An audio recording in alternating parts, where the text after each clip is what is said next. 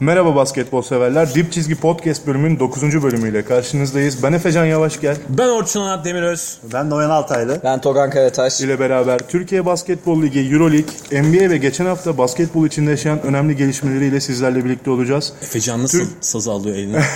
Biraz götürdüm. Var mı espriler, şakalar, komiklikler Biraz bu önce hafta? yaptım da herkes dinleyemedi. Türkiye Basket Türkiye Basketbol Ligi'nden başlıyorum Orçun. Türkiye Basketbol Ligi'nde e, geçen haftanın öne çıkan karşılaşması Beşiktaş Banvit mücadelesiydi. Banvit'te oynandı, yani Bandırma'da oynandı mücadele. Beşiktaş Banvit'i 80-69 mağlup etti ve bu iki takımın zirveye rakip olabileceğini hep söylüyoruz. Beşiktaş Banvit'in önüne bir adım attı diyebiliriz diye eklemek istiyorum bunu. Çünkü e, geriden de gelerek kazandıkları bir maçtı.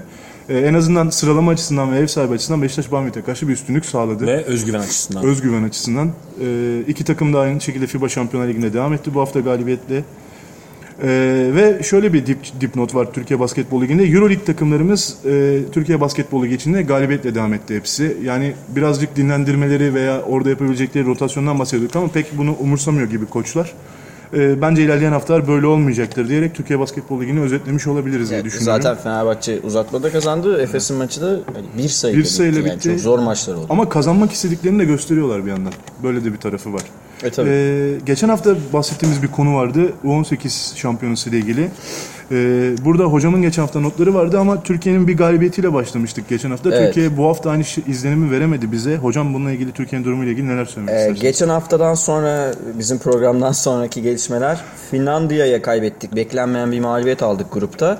Ee, daha sonra turnuvanın güçlü takımlarından Almanya'ya da yenilince e, gruptan elendik. Aslında Finlandiya'yı yenip gruptan çıkmayı bekliyorduk. Ee, herkes öyle bekliyordu. Belki çocuklar da kendileri de öyle bekliyorlardı ama Finlandiya mağlubiyeti acı oldu.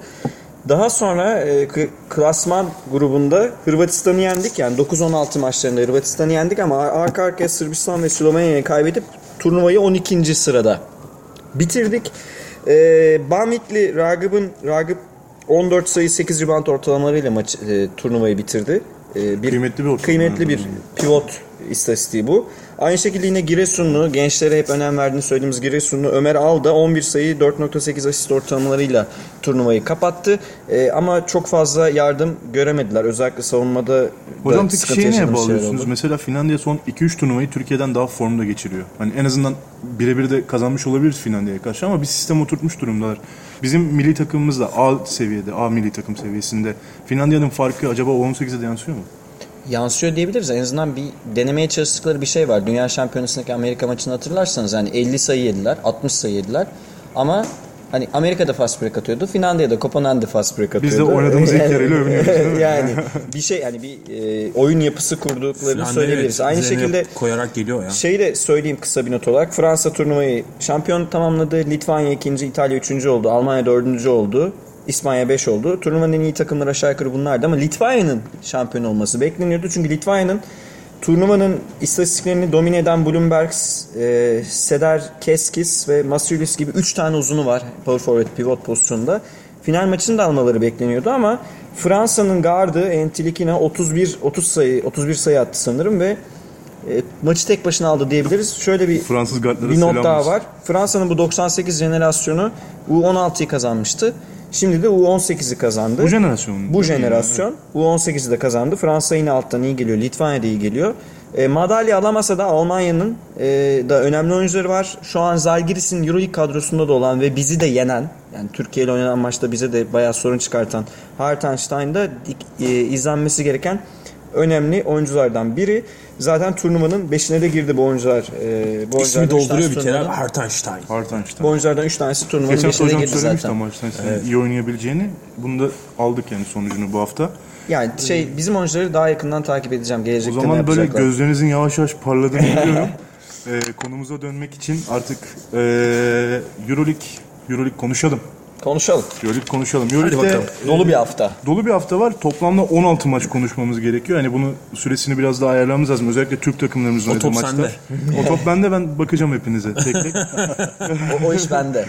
Konuşurken parmak sallıyor hala adam bize. Şimdi 13. haftada oynanan maçlar var. 13. haftanın oynanan maçlarını aslında çok yani geçen hafta bir umutlandığımız bir tarafı cepheyi kaybederek başladık diyebilirim. Ee, Galatasaray Langford'sız kazana 73-60 mağlup oldu deplasmanda. Evet. Ee, maçı izleyenler yani hiç umutlanmadığımızı da Çok gördüler yani. vardı. Özellikle nasıl ikinci ve üçüncü çeyrek performansları herhalde etkiledi. Orçun senle başlamak isterim Galatasaray'ın kazan deplasmanına. Evet yani aslında Galatasaray'ın kazanabileceği bir deplasmandı ve e, hani şu anda Euroleague'de deplasman galibiyeti olmayan tek takım da Galatasaray konumunda. Ve hani Langford'un yokluğundan bahsediyoruz ama Langford hani 23.8 sayı, 3.8 rebound ve 3. asist 3.9 asist orta, ortalamalarıyla oynayan bir oyuncu ve hani Unix'in hani kesinlikle öyle. Yani kesinlikle öyle. Çok büyük bir e, hani yüzdesi Langford. O yüzden hani Galatasaray aslında e, güzel denk getirmişti e, Unix'i ama maalesef oyun hiç tatmin etmedi. Yani hiçbir anında hiçbir noktasında Galatasaray'ın kazanabileceğini düşünmemiştir izleyenler. E, ya bir de açıkçası hani Galatasaray zaten dar rotasyonla oynayan bir takım ama e, orada işte Black Sheep ve Mitsov'un e, takıma katkısı çok Bir önemli. önceki haftaya göre çok düştü galiba. İnanılmaz yani ikisi o kadar kötü girdiler ki maça. Hani sadece Sinan'ın üzerine kaldı oyun. Evet hani Sinan, Sinan- birazcık emir. ya şöyle söyleyeyim Sinan ilk yarıda 17 verimlilik puanı yaparken takım arkadaşları ona sadece e, hani 15 verimlilik puanıyla eşlik etmişler. Yani hani tamamıyla Sinan'ın bütün asistleriyle olmuş biraz. yani yani, evet, hani mi? bütün yük Sinan'ın üzerine binmiş durumdaydı. O yüzden hani takımdaki diğer parçalar katkı vermediği için bir devamlılık da olmadı. Buna karşılık hani Unix'te e, Kolom, Voronov ve Parakuski üçlüsü toplamda 60 sayı yaptı. Yani 60 verimlilik puanıyla oynadılar yani maçı. Ve Langford'un olmadığı günde işte o hani diğer e, parçaları ki Voronov e, Unix'e çok e, iyi katkı veren bir oyuncu. Yani hani e, bunu daha önce e, Aslında çok gündemimize de almadığımız bir oyuncu. Yani. Evet Aslında. yani underrated bir oyuncu. Ama e, özellikle takım içi dengeler konusunda ve e, hani no name diyebileceğimiz yani hani sadece üstüne düşen e, işi yapan görev adamı tanımlamasına çok uyan bir isim. Ve Galatasaray maçında da onu yaptı ve inanılmaz bir oyunla e, üçüncü çeyrekte fark yaratarak maçı Unix'e getirdi. Yani şunu eklemek istiyorum ben maça. Ee, öncelikle hani ilk bakışta inanılmaz büyük bir fark var gibi gözüküyor ancak maçın e, özellikle işte ilk periyodu hatta ikinci periyodun ortalarına kadar maç kafa kafaya gitti. Ancak ne olduysa maçın şey ilk yarının e, bitmesi 3,5-4 dakika kala bir kopma yaşandı. Ee, İkinci çeyreğin sonuna doğru ciddi böyle. bir konsantrasyon kaybı var. Yani bir şekilde adapte oluyorlar, maçı ısınıyorlar falan ama yani bir yerde darbe geliyor ya da işte e, top kayıpları, hızlı hücumlardan yenilen sayılar. Fark böyle bir anda 4-5'e ya da 6'ya çıktığı zaman takım hemen demoralize oluyor. Ya bunu her neredeyse deplasman maçında görüyorum. E, ve bu toparlanması da zor oluyor. Yani Galatasaray o yüzden maç kazanıyor deplasmanda. Miçov eksi 9 verimlilik, Şip eksi 4 verimlilikte oynamış. Sayıları yani. yoktu yani. Hani Ve top kullanan Neredeyse. Top kullanan. korkunç yani hani. Ve Emir e, Sinan ya Emir neyse ki iki, üç, ikinci yarı maçın hani devreye girdi ve toparlandı Evet, evet. yardımcı olmaya çalıştı. Emir'i birazdan da konuşacağız yani Emir. Hani Galatasaray'a tutunmaya çalışıyor. Emir Sinan yani. toplamda 44 pir yapmışlar. Geri kalanlar abi 11. 11 yani. Yani Sinan 17 sayı 6 asistle Çok mi? feci yani hani bu bir şekilde zaten maç kazanamazsın. Sinan tek diğer takım hani 5'e 1 oynuyor gibi düşündüm çünkü yani Sinan böyle işte içeriye penetre ediyor işte turnike giriyor kaçıyor vesaire geri koşup tek başına işte savunmada bloğa çıkıyor hani en azından bir şeyler yapmaya çalışıyor. İşte yine top alıp yine hücuma çıkıyor. Yani sadece Sinan'ı izledim bayağı bir 10-12 dakika neredeyse. İlk haftalardaki gibi değil mi? Değil mi? İlk İki iki tane maç gibi yani. kritik şey var burada. Ee, Sinan Milano maçı sonrası hani takım olarak kazanıyoruz, takım olarak kaybediyoruz dedi. Birazcık satır arasında sistem de vardı diğer takım arkadaşlarına. Ee, Galatasaray transfer yapacak mı? Deon Thompson işte gidecek deniyor. Ee, Diyan Thompson abi Ocak 1'den sonra muhtemelen takımda olmayacak. evet. Şu Guard anda- alması planlanıyor. Şu anda gönderemiyorlar çünkü e, hani Evet. çok eksik oynuyor zaten. Yani Bir not daha var. Voronov'dan bahsetti e, Orçun. Haklı ve Voronov bu maç kariyer maçını oynadı. Kariyer maçı. yani bu Türk takımlarına karşı kariyer yapan hani 850. oyuncu falan oldu Voronov. E, bu da önemli. 22 sayı onun kariyer rekoru. E, kötü maçtı yani kazanmasını beklediğimiz, yakalamış diyeceğimiz maçtı. Olmadı. 13 sayıda kaybetti. Söyleyecek böyle başka not olan Ya Ergin Açık biraz dertli bu konuda yani hani e, özellikle çok uzun yollar yapıp hani fikstür dezavantajından bahsediyor. Yani hani örneğin Efes maçını örnek gösterdi. Çünkü Efes iki maçı daha örneğin İstanbul'da oynadı. Hani Zalgiris üstüne Galatasaray. Ee, İkinci yarı tersi olacak. Evet yani hani burada Ergin Hoca'nın da haksız olduğunu düşünüyorum. Çünkü e, Kim yapıyor bu fikstürü gibisinden bir açıklaması var değil mi bu evet hafta? yani buna daha dikkat edilmesi gerekiyor falan gibi bir şey söyledi ama hani sonuçta bu her takım için geçerli. Unix baktığımız zaman Galatasaray'dan daha çok yol yapıyor örneğin. Unix Avrupa'nın en çok yol yapan takımı. Yani en uzaksa, en köşe noktada bulunan takımı. O zaman onlar hiç Yani hiç yani oynamasınlar konuşmasınlar yani. Öyle. Galatasaray'ın bu mağlubiyeti birazdan da konuşacağız Galatasaray'ı devamında diğer haftayı konuşurken. Bu 13. haftanın ilk maçıydı bizim için. Ee, ikinci maçta aslında ya dediğim gibi istikrarsızlık problemi var takımlarımızda. Genelde böyle gidiyoruz. İki mağlubiyet arda arda konuşmak zorunda kalıyoruz. Efes içeride aslında favori çıktı kağıt üzerinde bir maçı. Zalgiris'e 71-84 ve oyun içinde hiç kalamayarak Hayal kaybetti. kırıklığı. Hiç öne geçemeyerek. Hiç öne geçemeyerek ve gerçekten savunmada rezil bir gün geçirerek yani kaybetti. Ee, hocam sizle başlayacağım buraya. Ee, şöyle bir problem var. Sanırım maça e, Barcelona maçındaki desteği bulamadı Efes taraftar anlamında. Ee, ama Hörtel'in e, skoru sürüklediği maçları Efes e, genelde kaybediyor. Böyle bir E, genel bir istatistik. Çünkü Hörtel skoru sürüklesin istemiyor Perasovic ama şimdi o kadar kötü bir şey oldu ki Hörtel dışında da skoru üreten olmadı. Bir Brown birazcık katkı yapmaya çalıştı. Fakat öbür tarafta 4 oyuncu çift taneye çıktı. Hani Lima bir ara bizi Efes'in pota altında hani at koşturuyordu. Lima yani, değil mi? Lima yani hani bu Lima bir, bir tane bloğuyla hatırlıyoruz. Veseli'ye yaptığı blokla hatırlıyoruz. Çok üst düzey bir uzun değil Lima. Hem Lima hem Motum pota altında sıkıntı yaratırken e, guardlardan Pangos yine benim eleştirdiğim Pangos ve forvetten Ulanovas Ulanovas genç bir oyuncu ve iki sene önceki e, Ivkovic'in takımına da aynısını yapmıştı. İpekçi'de kariyer maçını oynamıştı. Yine kariyer maçlarından birini oynadı ve aldı. Kritik bir şey var. Hani iki takım da iyi reboundçı bu arada. Ligin en iyi iki- reboundçılarından iki takımda. Fakat Efes takım reboundları dair sadece 25 rebound çekebildi Efes'in bu en az maçta. rebound aldığı maçlardan biri olabilir mi? Olabilir. Yani istatistik olarak. Yani Zalgiris 35 rebound aldı. Efes 25 rebound aldı. Bir kötü istatistik daha var. Ligin en iyi asistçilerinden biri Efes. Sadece 13 asist yapabildi bu karşılaşmada ve e, hiç istediği gibi oynanamadı oyun. Perasovic'in istediği şekilde hücum akmadı. Hücum şablonları e, çok ciddi şekilde aksamış durumda ve savunma sertliği de koyamadılar. Yani Zalgiris'ten 84 sayı yemek tamam Zalgiris Litvanya takımı ceza keser kabul ediyoruz da yani kendi evinizde Zalgiris'ten 84 sayı yemeyeceksiniz. Zalgiris'ten 13 sayı fark yemeyeceksiniz. Bu maçı bu maçı ve Borussia maçını alsa Efes 9 galibiyetli takımlar arasındaydı şu an ve çok ciddi şansı Tepedeydi. vardı. Tepedeydi. evet Zaten tepedeydi. 9-5 işini konuşacağız istatistiklerde. Yani çok büyük kayıp oldu Efes için. Orçun sana dönerken bir şey daha sorarak dönmek istiyorum. Ya böyle Lima dedi hocam mesela. Yani böyle bu tarz uzunların veya bizim takımlarımıza karşı Galatasaray maçında olduğu gibi kariyer e, maçını oynayan oyuncuların yani niye böyle bir dezavantajımız var bu takımlara karşı? Hep bir oyuncu parlatıyoruz yani. Evet yani bu ciddi bir sorun. Şimdi Acaba burada bir de Efes'in uzun problemine de değinmeni isterim. değineceğim zaten Şey, geleceğim. yani Lima bu Teknik arada detaya müthiş geleceğim. istatistikler üretmedi. Ama hayır, hani maçta damga fark vurdu. yarattı. Fark Damga yarattı maçta. Ya şimdi e, Togan bahsederken e, Perisovic'in oy- oyunu oynanmadı dedi. Şimdi şunu bir kere belirteyim. E, Yasikevicius şu anda yani şu haliyle daha yani coaching olarak ilk sezonunda bence Perisovic'ten uzay yolu ötede. Bravo. Yani hani Bravo.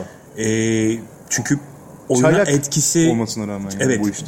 Şu anda diyorum yani. Şu haliyle bile Perisovic'den bence e, iki kat daha iyi koç.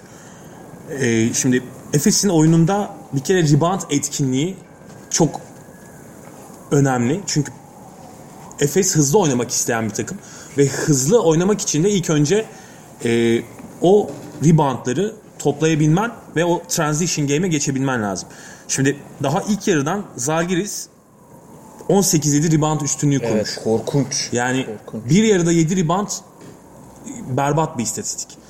Burada zaten e, yani Zalgiris'in ligin en iyi rebound alan takımlarından birisi olduğunu biliyoruz ama e, bence burada Efes'in e, oyun şablonundaki değişiklik de önemli. Yani Hanikat'ın düşen performansı var son birkaç haftadır. Hanikat e, reboundlara e, konsantre olmanın dışında bence şu anda daha çok atmaya konsantre bir Değil mi? durumda. Bunun çok büyük etkinliği var çünkü Hanikat şu anda Efes'in en çok rebound alan oyuncusu 8.7. E, ligin de öyleydi. Ligin de En öyle. Son bıraktığımda yani.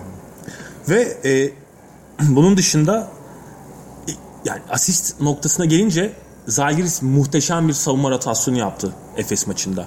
Yani ikili oyunlarda Değişkenlikler muhteşem yani derslik e, hazırlanmışlar. E, hiçbir şekilde tepe piken rolleri üzerinden yenilmediler. Çok gömülü zaten maçı da o şekilde başladılar. Gömülü bir savunma yaptılar. Efes'i tamamıyla dışarı püskürttüler ve zaten e, hani Efes açısından sonuçta çok e, net şutörleri olmadığı için hani hep konuşuyoruz. e, Deşan'ın da düşen bir performansı olduğunu göz önüne alacaksak alırsak e, dışarıdan üretme sıkıntısı var. Şu, şu anda Brandon Paul geldi. Brandon Paul çok iyi bir atıcı ama e, gene de sadece dışarıdan atarak da yani oyunu içeri de yönlendirmeyerek bir şey üretemezsin. Hani şimdi uzun noktasına geleceğim. Omiç abi artık her maç biz burada hani eğleniyoruz falan da e, eğlence olmaktan çıktı bayağı baş ağrısı olmaya başladı. Yani o, Omiç'in yaptıkları İşkenceye hani, döndü ya. Evet yani pota altında Zarara yönelik oldu iyice yani. abi akıllara 6'ya zarar yani. Hani, 6'ya 4 oynanıyor. hani Omiç Omiç ne zaman oyuna girse Efes e, verimlilik olarak düşüyor. Yani bu çok net artık. Ve hani ben bu transferde e, başka şeyler aramaya başladım. Yani hani çünkü bir e, mantıki çıkarsama yapamıyorum bu transfere yönelik. Hani Omiç'i her izlediğim e, maçtan sonra hani Perisovic'e diyorum ki Perisovic acaba ne düşünmüş olabilirdi Omiç yani Ya tek mantıklı açıklaması var. Dansını dinlendirmek yani. Hani ama abi maçı izlerken söyledim Ahmet Düverioğlu şu takımda kalsa daha iyi. O- Omiç'ten çok daha fazla katkı verirdi ya. Yani Omiç bence değil Euroleague'de oynayabilmek.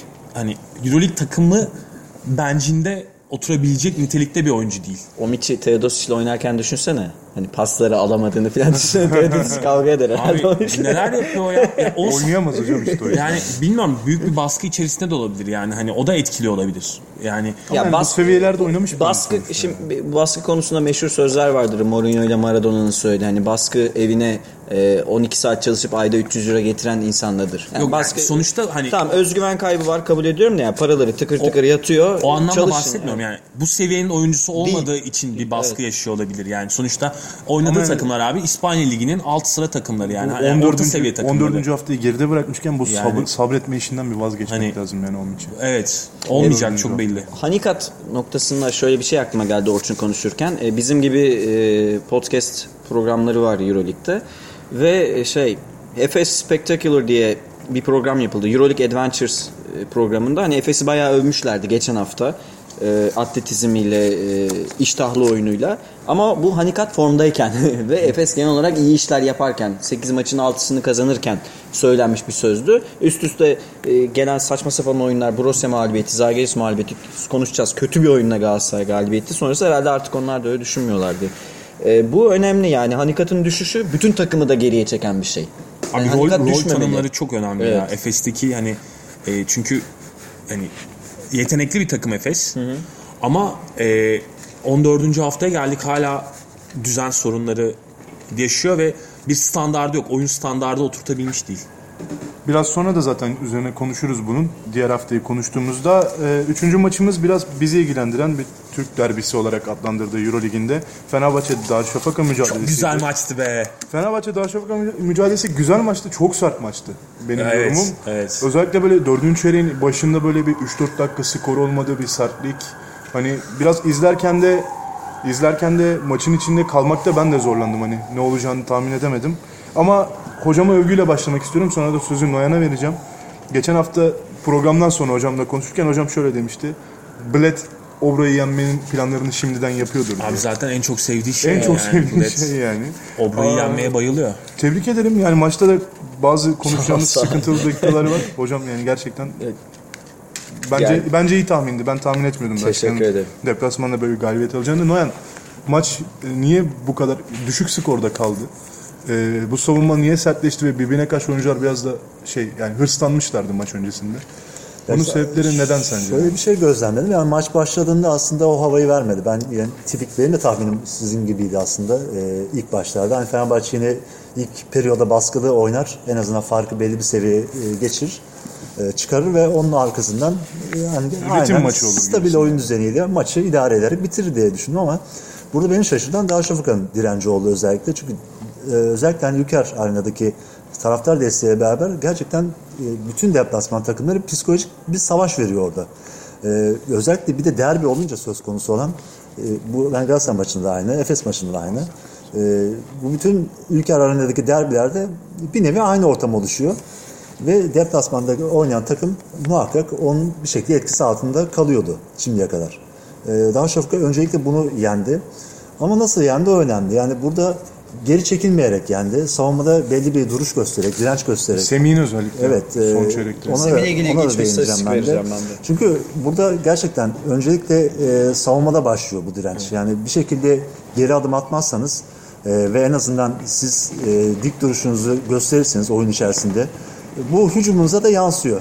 Öyle ya da böyle. İster e, hani bir şekilde set oyununa döndüğünüz zaman üretim yapamasanız bile e, bir şekilde faal aldırıyorsunuz ya da ne bileyim top kayıplarını sürüklüyorsunuz. Yani o şekilde e, bir hücum düzeni ya da savunma düzeninden çıkmadığı sürece Darüşşafaka e, belli bir hani nasıl diyeyim size skor ortaklığına girdi. Bu Zaten önemli olan da bunu devam ettirmekti. E, son periyoda geldiği e, zaman asıl e, darbe o zaman vuruldu zaten. Wilbeck'in iyice sazı eline aldı. Ki- ki- Ateş fışkırıyordu yani maç boyunca bunu hedeflemiş gibi çıldırarak artık e, hücum yapmaya başladı. E, skor anlamında hakikaten sürükledi yani. Ac- acayip şık. Orçun- 8-9 metrede. Yani maç içinde son periyotta mesela yani böyle bir atletizm olarak da Daçka Fenerbahçe'nin Tabii, üstüne fark çıktı. yarattı. Ee, bunun Ya bence maçın kırıldığı o psikolojik e, üstünlüğün başladığı nokta o kavga anıydı. Yani hani e, ikinci çeyrekte 30-28 Evet yani. yani işte bir olay yaşandı. E, Bobby yani direkt kafa attı abi yani Wilbeck'ine. Ve, Ve bence şey- diskalifiye gerektiren bir Ve yeniden Evet. izledi hakemler. Ona Tabii, rağmen tabii. diskalifiye Ama etmedi. O Monica zaman gene Carlton Iverson'a da vermemişlerdi Dunstan'a karşı. Yani Euroleague'de böyle bir açık o daha feciydi abi. O O gerçekten kafa atmıştı mesela. O bayağı bildiğin var ya Spider-Man'de bir gergedan karakteri. Onun gibi çakmıştı kafayı yani. Muharman atıldı orada. Muharrem'in atılması da normal. Doğru, Muharrem'in oyuna atılması girdi. doğru ama, ama- Bobby'nin de diskalifiye edilmesi gerekiyordu. Ve Wilbeck'in orada hani bayağı hani eee, artık nasıl bir coşkuyla dolduysa sonrasında inanılmaz bir üstünlük kurdu. Hani oyunun bence eee, döndüğü noktalardan birisi de evet yani Noyan'ın bahsettiği gibi savunma rotasyonun noktası var. E, Daçka'nın zaten birkaç haftadır iyi savunma yaptığını söylüyoruz ve üzerine koymaya başladılar. Bence burada Semih Erden'in e, potu altına gelmesi ve e, orada Özellikle bir Baskonya maçından sonra değil mi? tabii yani şimdi S- Semih bir kere size'lı bir oyuncu olduğu için boyalı alanda e, hani alan kaplıyor. Bu, bu önemli bir nokta ve e, Uzun da. artık tecrübeli bir, bir oyuncu ve işte Fenerbahçe maçında da yaptığı bloklarla önemli katkılar verdi. Ben biraz yani. biraz sertliğinde biraz şeyde sezdim ama Fenerbahçe'ye karşı özellikle Sulukas'a yaptığı bir faal var mesela son çeyrekte. Normal. Ama yani normal Semih yani. zaten abi bunca zamandır maç seçmesiyle Evet, tanınan zaten. bir oyuncudur yani hani Semih için böyle maçlar her zaman bir e, hani vitrin maçı olduğu için Ya kendini göstermeyi sever. İlk Fener maçında 20 küsür sayı 10 rebound falan yapmıştı. Ve ya şunu belirtmekte fayda var yani Daçka'nın guardları darmadağın etti abi. Yani mismatchler üzerinden hani Wilbeck'in e, Clyburn, Wanamaker üçlüsü 71 sayının 54'ünü kaydetmişler. Yani Bana o son çeyrek biraz maçı alıp götürmüşler yani. Kazan maçının şeylerini yani bazı bazı hatıralarıma kazan maçı geldi. Potoya o kadar rahat gidebiliyordu ki Daşka Evet, kısaları. Hani evet. Fenerbahçe'de bu konsantrasyon düşünce bunu çok rahat yapabiliyorlar. Yani Rakip takımlar Fenerbahçe karşı. hiç savunamadı. Orada dediğin gibi bir e, atletik e, üstünlük sağladı. E, Daçka ve maçı da aldı götürdü. Aslında Darüşşafaka maçı daha erkenden de psikolojik üstünlüğü alma noktasına getirdi. O kavgadan sonra 30-28'den sonra maç 37-48'e geldi. Ama orada Sulukas'la cevap verdi Fenerbahçe. Bir 11-2'lik bir seri var sanırım. 48-50'ye geldi maç. Darüşşafaka tekrar, Tekrar, bir, bir bilet, bir bilet takımı olarak yanıt verdi. Orçun dediği şey iki tane şeyi ekleyeyim. 54 sayısı var kısaların Darüşşafaka'nın ama sadece 8 asist üzerinden. Yani olağanüstü bir birebir performansı Tabii, tabii. gösterdiler. Şutlarıyla, penetreleriyla. Maçı 8 asiste kapattı Darüşşafaka. 9'da Sadece 4 sekiz. falan attı Evet. sanırım öyle bir şey. Ve şu Semih ile ilgili noktayı söyleyeyim. Hani Semih'in yarattığı farkı artı eksi istatistiklerinden çıkarmaya çalıştım ve net görünüyor. Darüşşafaka'da Semih Erden sağdayken Darüşşafaka artı 18. Yani 18 sayı önde. Yani en büyük farkı da Semih yarattı Darüşşafaka'da maçta bir zaten. uzun oynarken değil. Evet bir Bunu uzun söylüyorum. sahadayken Evet 18 ya, sayı yani Darüşşafaka önde. Blitz bekliyordu zaten Semih'i. O yüzden bir transfer yapmadılar. Ve bir şeyimiz boşa çıktı. Sulukas ve Yulo ikilisi iyi oynamasına rağmen yani kötü değil. iyi oynamasına rağmen Fenerbahçe maç kaybetti. Ki CSK maçında da benzer bir şey oldu. Bunun Ben bu arada sebebi- bunu biraz yani rotasyona gene uyduracağım. Çünkü Darüşşafaka gerçekten çok oyuncuyu oyuna sokmaya başladı son maçlarda. Milletin tercihi e, Mehmet Yağmur dahil. Yağmur İlk da beş başladı Gürkan Fenerbahçe. Sahran Bödü giriyor ve e, o yüzden bench farkı da çok farklı. E, skor olarak baktığım zaman e, bench'ten 32 sayılık bir katkı gelmiş. Çok önemli. Fenerbahçe'de bu 14. E, dar rotasyonla oynamaya çalışmanın bir nevi sıkıntısını çekiyor Fenerbahçe. Her hafta bunu yaşıyor. Yani nereye kadar gidecek göreceğiz. Bakalım Fenerbahçe bu maçı kaybederek aslında mesela 9-5'lik bir daralma var ya Eurolig'in birinci takımı Sıkışma. Sıkışma. arkasında sıkışma diyelim daha doğru olur.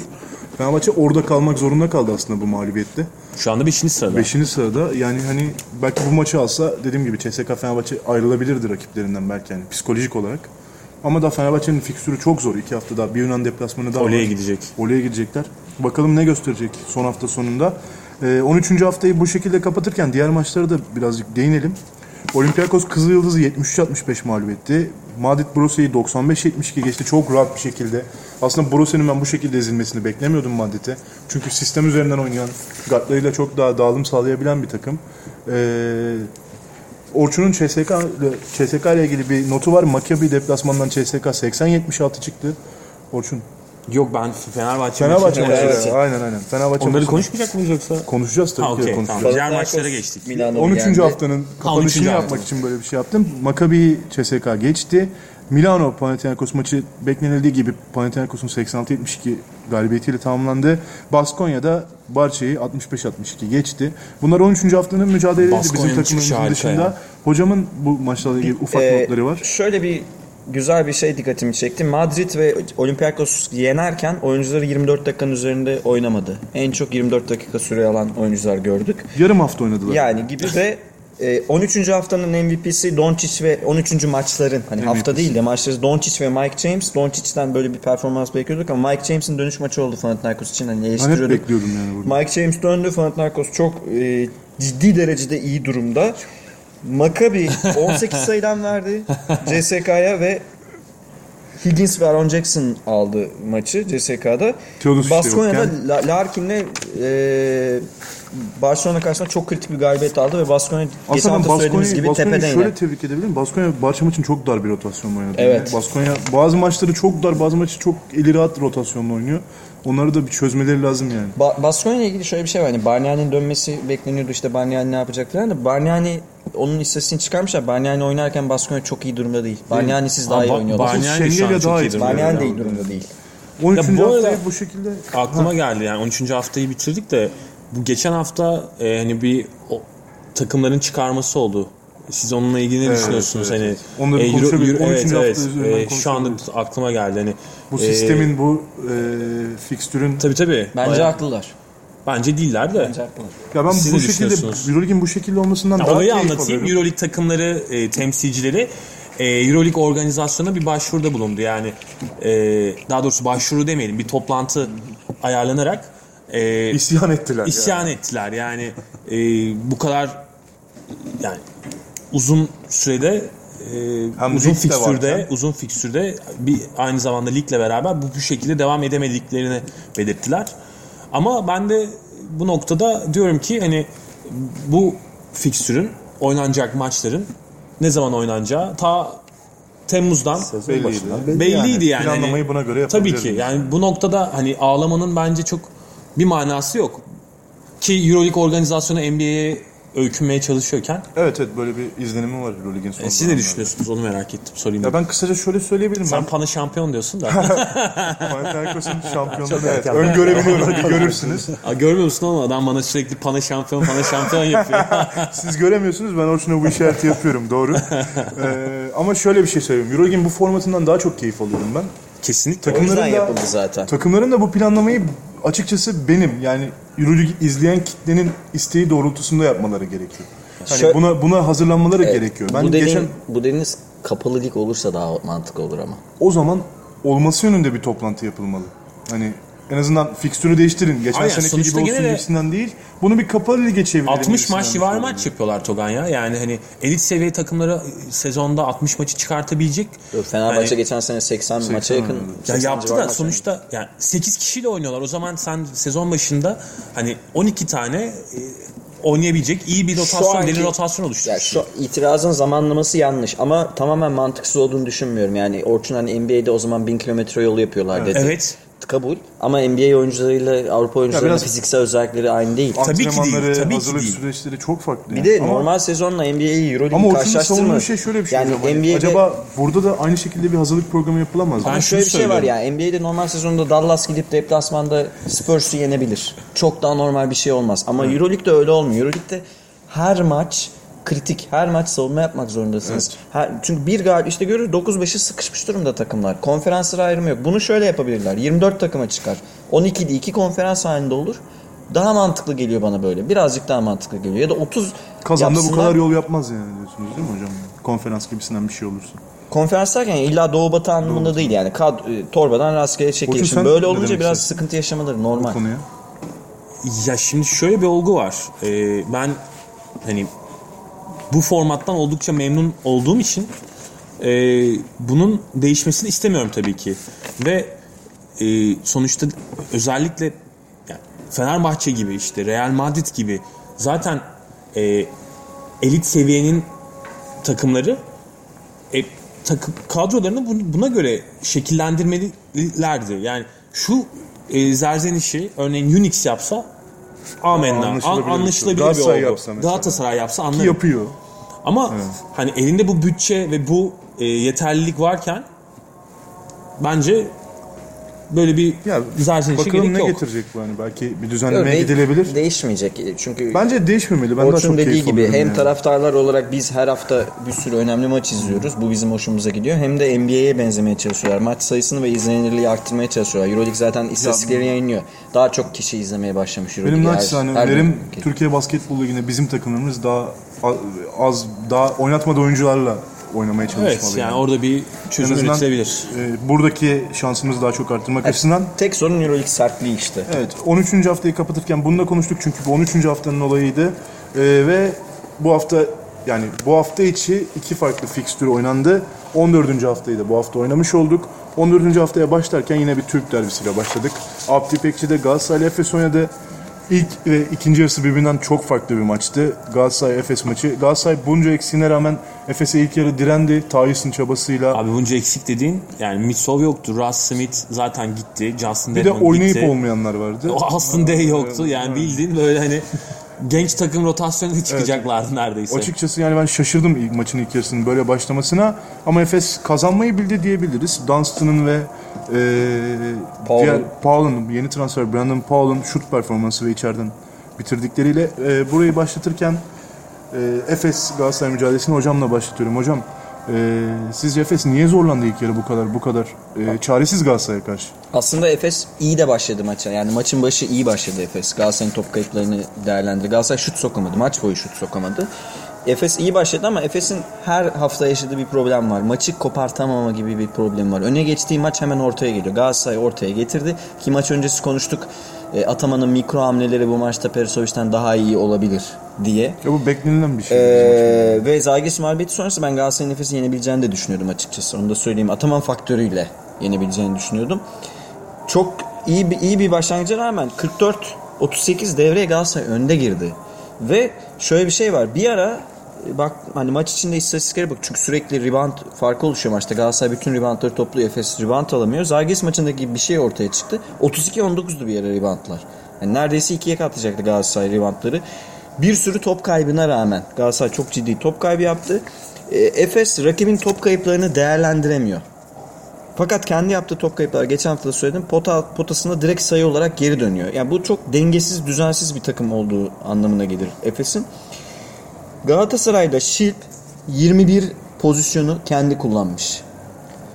Tayyus 15 sayıyla oynadı ama şey 21 e, 21 top kullanmış. 21 Black top kullan. Ve şöyle bir şey var. e, bir Efes'i abimiz Gürşey Ararat şey dedi. Bu maçın Zalgiris maçından tek farkı rakibin Zalgiris olmaması, Efes'te de Brandon Powell'ın sahada olması. Yani Efes oy- iyi oynayarak kazanmadı. Kötü oynayarak kötü bir kadrosu olan yani Can Korkmaz falan oynamak durumunda kaldı. Galatasaray'ın Ee, eli kolu bağlı canım. ya çok bayağı oynayan zor durumdaki zor durumdaki Galatasaray son iki çeyreklik yani ikinci yarıdaki performansı her iki çeyrekte de sek- artı 8 sayı önde Efes yendi ve maçın son ikinci yarısından itibaren maç Efes'in istediği gibi oynanmaya başladı. 90 pozisyonun üstüne çıktı her iki takımda ve 90 pozisyonuna çıkan maçı Galatasaray'ın kazanması pek mümkün değil ama Efes kazanabilir. Böyle oynamaya alışkın ve o e, şu extra ball denen yani e, top çalmayla turnover farkı arasında ona extra ball deniyor. E, Efes'le Galatasaray arasında 11 top fark var. Yani bu farkı getiren unsurlardan biri de bu. İkinci yarı bunlar değerlendirildi. Reboundlar da toparlandı Efes'te. 41-38 bitti takım reboundları dahil. Yeni transfer hiç bekleme, beklemediğimiz kadar verim verdi. 19 sayısı var Brandon Paul'un. Hem scoring yaratabiliyor hem e, iki numaralara karşı savunma sertliği Bryce Cutton'dan çok daha iyi. Ondan daha uzun, daha atlet, daha kalın. Ve çok e, önemli bir istatistik var. Ona da baktım. çok daha iyi oyuncu canım. Brandon Paul yani şu dönemde bulunacak en iyi oyuncu. Ama ben yine de 8 tane üçlük kullanmasını anlamıyorum Brandon. Onu deneyecek herhalde. İlk maçı. Brandon Paul sahadayken Efes 26 sayı önde. Yani fark yaratan Brandon Paul'du bu maçta. Ve e, Zagiris'in bir Litvan e, takımı olmasıyla Galatasaray'ın bir Türk takımı olması arasındaki farktı. Efes çok iyi oynadı diye düşünmesin bizi dinleyenler, maçı izlemeyenler varsa. 10 sayıyla almasına rağmen. Şimdi geleceğim birazdan. Geleceksin birazdan ama şimdi Galatasaray Noyan tarafını. Noyan'la bir değerlendirmek isterim. Noyan yani hani bu kadro planlama zaten bence yanlıştı sezon başından itibaren. Ya ya da kafasındaki tutmadı atamanın ama hani Galatasaray'ın bu tarz bir rotasyonla oynamasının sebebi ne? Ya açıkçası Ergin Hoca'nın kafasındaki planlar gerçekten tutmadı ve bunu e, artık ilk yarı bitmesine yaklaşırken iyiden iyi e, hani bir şekilde geri de döndüremiyor. Hani eli kolu bağlı gerçekten de. Ama ben sezon başından beri düşündüğüm şu vardı. Yani takım özellikle hücum bakımından daha böyle e, işte kolektif olsun. Sürekli atıcı oyuncular olsun. Sürekli hücuma yönelik koş koş oyun oynasın diye bir düşüncesi vardı Ergin Hoca'nın. Ancak benim düşüncem tam 6 tersi. kişi Yani yetmeyebilir buna ama. he- hem Ama yetmeyebilir Smith falan o yüzden yüzünden. hem de biraz takımın savunmaya yönelik oynaması lazım diye düşündüydüm. Çünkü bu tempoya oyuncular ayak uyduramıyor. Uyduramadı. Sürekli işte sakatlıklar, formsuzluklar vesaire derken bu kopmalar yaşandı. Şu an Euroleague'in en kötü takımı doğal olarak. Ve e, son maçın hatta maç sonrasındaki röportajında da söyledi. Yani Euroleague e, hakemleri bile bize artık e, saygı duymuyor diye. Hani Ha, bunu da sormak istiyorum size birazdan. Oraya gelelim. Hani normal mi değil mi? Şimdi o konuya gelmeyeyim. Onu size soracağım ama e, gerçekten saygı duyulacak bir oyun zaten ortaya koymadı şimdiye kadar. Bir, ikincisi de planlama dediğin gibi yanlıştı. E, oyuncu tercihleri e, şimdi her maç için farklı şeyler konuşulmuyor burada. Gerçekten ilk yarı ve ikinci yarı her maç neredeyse ayrı ayrı Galatasaray görüyorum. İlk yarıda biraz daha dirençli, biraz daha derli toplu. Hani olabildiğince çok maksimum 14 veren bir maçın takım. 10'unda falan bunu konuştuk galiba. Kesinlikle ve üçüncü periyot sendromu oldu artık. Geçen sene de neredeyse böyleydi. E Makami maçı falan öyle kaybedildi. Yani üçüncü periyotta bir şekilde gidiyor. Takımın Baskonya. Performansı düşüyor. Artık Real Madrid e, bile. Ki, yani şöyle bir hücum e, istatistiği vardı. İkinci periyotta 26 sayı bulan Galatasaray üçüncü periyotta 14 sayıda kaldı. Yani bir şekilde savunmaya dönemediğin zaman tempon yetmiyor. Sürekli sayı yiyorsun. Efes Pilsen'in o şey Anadolu Efes'in Efes Pilsen ya biz Efes Efes Pilsen diyebiliriz. yukarıdaki söyle. Gerçekten bu tempo konusunda avantajı vardı. İşte hem Brandon Powell'ın da artık hücum e, katkısıyla beraber bir Aslında şekilde çok küçük bir enerji ortaya koydu çok Efes'in küçük yani. bir enerji bile fark yaratmaya yetti. Zaten Galatasaray'ı yenmek için bu bile yetiyor. Ee, zaten Tyus'un da şimdi hem skor anlamında da büyük katkısı olan 32 dakika oyunda kaldı. Yani biz değişmeli belki e, Tibor'la beraber oynuyor diye düşündük ama ayağında bir sakatlık olduğunu söyledi Ergin Hoca. Zaten 7 dakika süre aldı. Pek katkı da yapamadı. Ee, yani şu an gerçekten 5 numarada Tyus tek. Nereye kadar tek? Yani adam 32 e, dakika oynadı. 35 transfer gelecekmiş ama oraya. Thais da benim gözümde Dunstan da- 4.5'tan 5'tir mesela. Dunstan da 30, Aynen öyle, 31 dakika oynadı. Dunstan da aynı şekilde, aynı durumda Dunstan. Ama tabii yardımcıları farklı. Small ball'a dönebiliyor Efes yani. Yani şu pozisyonda e, yapacakları ileriki aşamalarda yapacakları te- kararlar, verecekleri kararlar, tercihler e, özellikle Ergin Hoca bakımından bence bana kalırsa savunmaya yönelik biraz olması lazım. E, hücumdaki alternatiflerini zaten e, maksimum süreci denedi. Hani olmadığını da gördü. E, bir iki takviyeyle takım en azından hani orta seviyelere çekilebilecek pozisyona gelebilir diye düşünüyorum. Bir tane en azından Kolom gibi bir hani ortalama üstü bir guard bile çok Göster- seviye atladı. Yani bir tane oyun kurabilen Orçun'a- gerçek bir guard. Orçun'a döneceğim bu maçla ilgili ama öncelikle dön. şunu söyleyeyim. Yani dönmeden önce Bekliyor, Ben- he- heveslendi Ben bekliyor. Dön baba dönelim. Çok ufak fikrinizi alacağım. Tek tek çünkü çok vaktimiz de sınırlı. Ee, Galatasaray, ta- Senin için uzatırız. Galatasaray cephesinin hakemlerden bu kadar şikayetçi olmasının haklılığı var mıdır? İki pozisyon gördüm ben maçta. Ya Biri çünkü şeydi. genelde sosyal medyada falan da bunu gördüm. Hani Ya, bayağı şikayetçiler. Sinan'ın Brandon Powell'dan aldığı top sonradan izleyince temiz görünüyor. Hakem faul çaldı. Bir de bir pozisyon daha var işte Ergen Hoca'nın Evet, hücum şey- faal hücum pozisyonu. hücum E- faal pozisyonu. Emir'in üçlük attı. Tamam ama yani iki pozisyon başka da görmedim. Tamam bunlar kritik düdükler diyebilirsiniz ama hani şey değil ki Efes CSK değil ki hani Efes öyle hani Euroleague'in Evet, kullanan, kullanan takımı falan öyle bir şey yok. Yani Madrid'le yıl- oynarsınız. Yıllarca yani. en çok hakkı yenmiş Evet. takımlardan biridir. yani. Madrid'le oynarsınız, CSK ile oynarsınız. Buna bir komplo teorisi üretebilirsiniz ama yani Efes Hatta oynuyorsunuz. Ergin Hoca şey dedi ya yani tamam dedi biz hani e, Euroleague'in ana sponsorlarından biri değiliz ama saygı görmüyoruz dedi de yani hani Aynen, evet. bunu e, dediği gibi to- Ya ben de Galatasaray açısından şöyle bir eleştiri CSK ile yapayım. oynuyor olsalar anlarım da. Bence bu psikolojik baskı üzerinde şeyin etkisi var. Taraftarıyla bir Türk takımını yenememenin. Ya ama şunu da söylemesi lazım Ergin Hoca'nın yani. Şimdi Ergin Hoca'nın coachingini, coachingliğini ben çok beğenirim. Türkiye'nin de en iyisi olduğunu her zaman söylerim. Ama şimdi şu da bir gerçek. Kurduğu en kötü kadro ya. Yani bütün, bütün Tarihinde yok böyle bir şey. kariyerinde yani. Ben işte o Anadolu Efes- Efes'in Rakoçeviç'li kadrosu. Kadrosuyla beraber ki hatta o bile daha bundan iyidir. E tabii Bu umudu kadro vardı o çok takımın yani. ciddi kimya sorunları olan bir kadro. Evet o şimdi maçla ilgili Ha, Efes'e geri dönecek olursak şimdi e, aslında Zalgiris maçına benzer bir maç başlangıcı oldu. Şöyle ki e, Efes gene aynı hataları yaptı. Yüksek show up yaptı. E, ve Galatasaray Ya, ko- e, komedi. maça öyle girdi yani Komedi savunmada. ya. Kazan Ve- maçının ilk yarısında yaptığını aynısını aynen, yaptı. Aynen yani. öyle ve Galatasaray çok net cezalar kesti yani. E, Tyus 9 sayı ortalamayla oynayan bir oyuncu Euroleague'de ilk çeyrekte 7 sayı üretti abi. Yani hani e, Sinan, Emir e, yani tepeden çok iyi buldular e, Tyus'u ve Tyus da içeride bitirdi çok Ki rahat. bulurlar. İkisi de çok iyi pas pas Hani, yeteneklerine sahip. ve yani. şimdi Efes maça gene çok enerjisiz ve e, çok böyle hani e, sallapati girdi. Çok böyle düzen içerisine girmedi. Düşük bir enerjiyle başladı. Şimdi ilk yarıdaki rebound farkı da çok ciddi. Yani gene e, Perosovic'in aklındaki oyunun tam zıttı olan bir e, rebound farkı var. 25 14 Galatasaray ilk yarıda böyle bir fark yaratmış. E şimdi ikinci yarı ne değişti? Bir kere e, daha tempolu oynamaya başlayan bir Efes Pilsen var ve e, reboundları dengeliler. Yani maç sonunda 39-36 idi rebound durumu ve orada zaten o hani e, Efes reboundları çekmeye başladığı anda daha hızlı gelmeye başladı ve oyunu çeşitlendirebildi. Şimdi Brandon Paul evet fark yarattı. Ama e, bunu Galatasaray gibi bir takıma tamam yapabilirsiniz. Yani oyunu bu şekilde force etmeniz mümkün. Yani sadece bir çeyrek performansla maçı kazanabiliyorsunuz Galatasaray gibi bir takıma. Yani üçüncü çeyrekte Efes orada farkı yarattı. Maçı da aldı götürdü. Ama e, işte Efes'in rakiplerine karşı yani yukarıdaki Baskonya'ya takımlar sökmüyor işte evet yani. sökmüyor yani yapamazsın bunu. O yüzden hani Efes'in bunu 40 dakikaya yani bu enerji oyununu, bu coşku oyununu, bu tempo oyununu 40 dakikaya yönlendirebilmesi gerekiyor. Ama bunu nasıl yapacak? Bu da tartışma konusu. Yani Brandon Paul daha geldi. İlk maçına çıktı. Maç sonundaki açıklaması neydi? Tam onu diyecektim ben de. yani. Evet. Topla yani guardlar topu elinde çok tutuyor dedi abi adam. Daha ilk maçında lan. Bir hani Teşhis koydu direkt. e yani bismillah çek yani değil mi? Hani geldi hani 19 müthiş bir katkı verdi 19 sayı. Hani iyi soktuğu bir gündü. Ve hemen guardlardan dert yandı adam.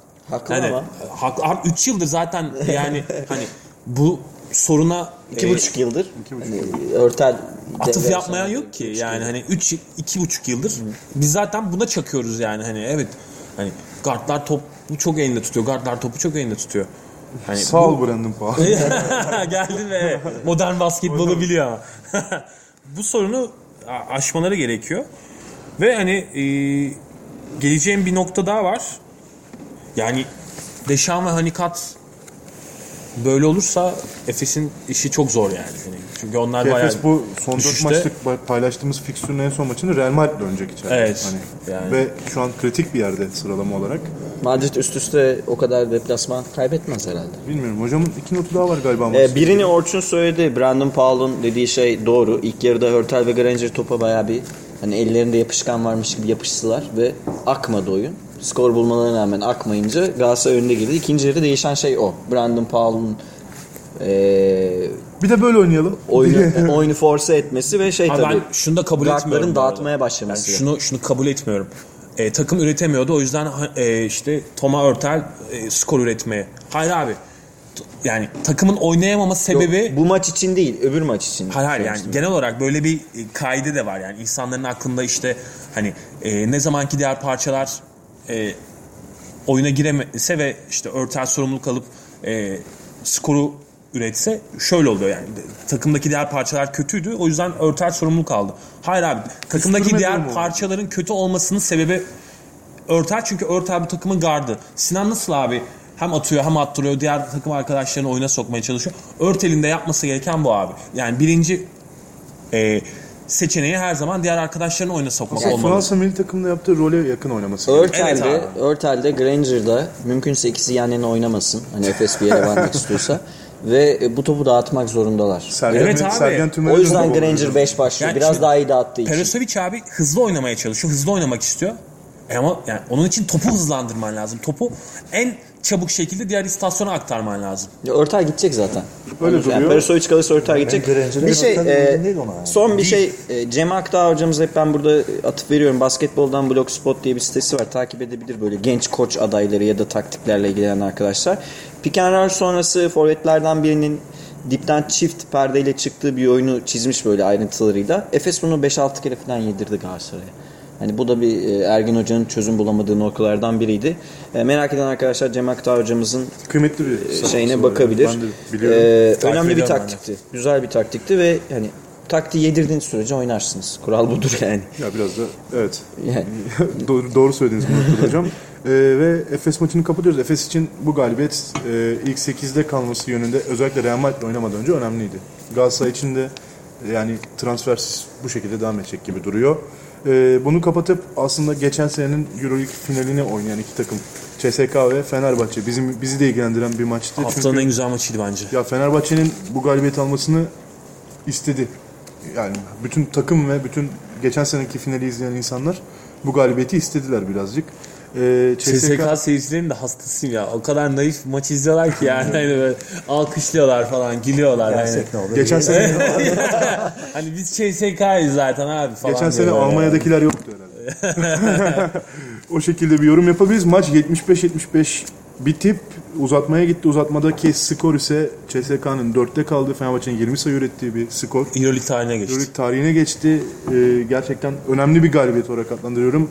Fenerbahçe adına bu galibiyeti. CSK'nın bu arada geçen sene sanırım sadece Malaga mağlubiyeti vardı içeride. 17 Sanırım. 17 maç. 17 Maç maç, evet 17 Sonra maç sonra Fenerbahçe bu evde kaybettiler. Şöyle bir şey var. Fenerbahçe Obra, Obradoviç yönetiminde Rusya'da oynadığı her maçı kazanmış. Diyebiliriz ki CSK'nın çektiği nedir Fenerbahçe'den yani.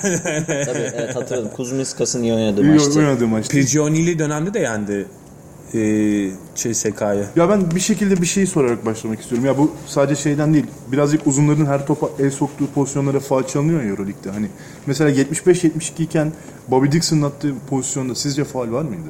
Hangi pozisyonda? Basket faal pozisyonunda 75-72'de son Hani top. Kurbanov, Son. Kurbanov üçlük attı. Dönüşte Ee, Dixon yani- basket benim, bence ben çok sevindim faal çalınmasına. Uzadı maç. Çok güzel bir Ya maç. Aaron Jackson çıldırdı mesela o pozisyonda yani hani az kalsın e, üstüne atlıyordu. E, Hakemin. hakemin değil. E, Şeyin. Faali yapan Faali uzun e, Agustin. Agustin. Agustin'in üzerine atlıyordu. E, orada çok gereksiz bir son müdahale var. Yani geçilmişsin. 3 sayı öndesin. Ya E, daha tamam, 15 saniye var. yani. Akıbeti belli olmaz pozisyonların. Hani ne olur ne olmaz da. Bence faal çalınması normal bu arada. Normal miydi? Euroleague Ben de- standardı için. Ama NBA'de çalmaz. Biraz daha yani. uzunların dikkat etmesi gerekiyor bu işlere. Evet abi, CSK yani be- hiç- bence çok iyi oldu ama CSK açısından Hani ve bizim takımımız açısından Orada da- geçmiş Bobby zaten ve po- potaya tam bırakacakken hani dokunmaya Ya, çalışıyorsun. üçlük atacağını zannettin değil mi sen de? Ha o fake müthişti. fake çok İyiydi iyi. bence de. Evet maça başlayalım yorumlamaya. Ee, Noyan'la başlamak istiyorum CSK Fenerbahçe maçına. Noyan ne anlam ifade ediyor bu galibiyet? Fenerbahçe'nin kötü giden sürecinin sonuna böyle bir galibiyet eklemesiydi. Aslında yani çok şaşırtıcı oldu benim için.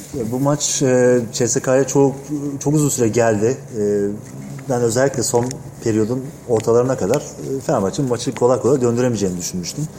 Ancak Obradovic'in şöyle bir tercihi oldu. E, özellikle içeriye penetreleri e, Antic ve Yudoh'la beraber çok iyi kesti. Veseli'nin de gününde olmadığı bir e, maçta. Ve E, ses ele- sezon başından beri. Ama şöyle bir şey, dediğin. Senin Hani- yılında olmadı. Hani en azından uzun Veseli adam dursun diyordum. ya şöyle bir şey en azından hani e, hücumda Veseli'den bir şeyler beklersin ya. Abi Noyan sen bu Orçun diline düşme ya. ben yaşadım bunun diline düştüm. Ya tamam Veseli hayran değilim sonuçta. Dünya abi çok iyi smaç vuruyor. Çok iyi. Keşke maçta maç kazanılsa yani. Ancak e, şöyle bir hadise oldu dediğim gibi. Antiş iyi iş yaptı açıkçası. E, savunmada bayağı iyi direnç gösterdi. Ama e, hem Obradovic'in tercihleri hem de e, takım içerisindeki e, özellikle Bobby Dixon'ın e, hücum katkısından ziyade maçı yine Fenerbahçe'ye veren, getiren demiyorum. Direkt veren yine Teodos için egoları oldu. E, yani ben maçı canlı izledim ve arkadaşımla beraber gerçekten de. Rusya'da mı? Evet, keşke öyle olsaydı. Moskova'ya gitti şu an.